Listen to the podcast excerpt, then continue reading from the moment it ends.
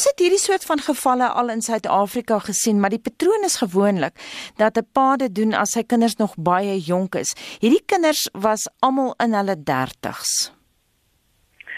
Dis 'n ongewone patroon. Um, en dit is natuurlik moeilik om te sê presies wat in hierdie geval gebeur het want ons weet nie. Maar die die feite wat ek nou gekyk het na die saak, lyk dit asof hierdie man progressief die goed in sy lewe wat vir hom betekenis inhou het verloor.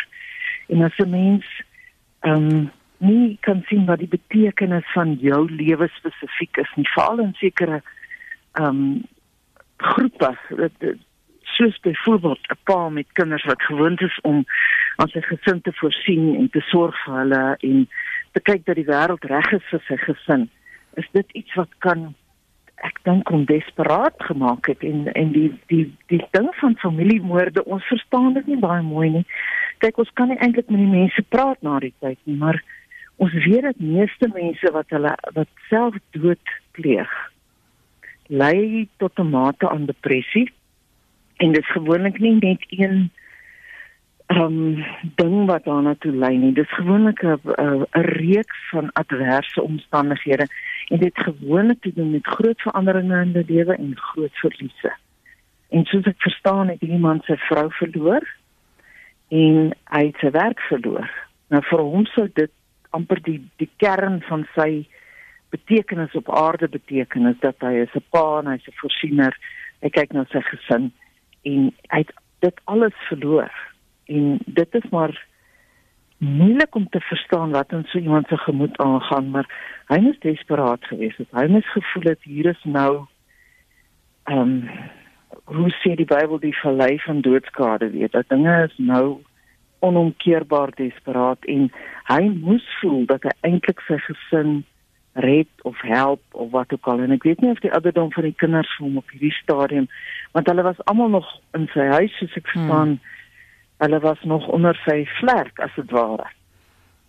En dis maar hoe, hoe ek dit probeer vir myself sin maak daarvan.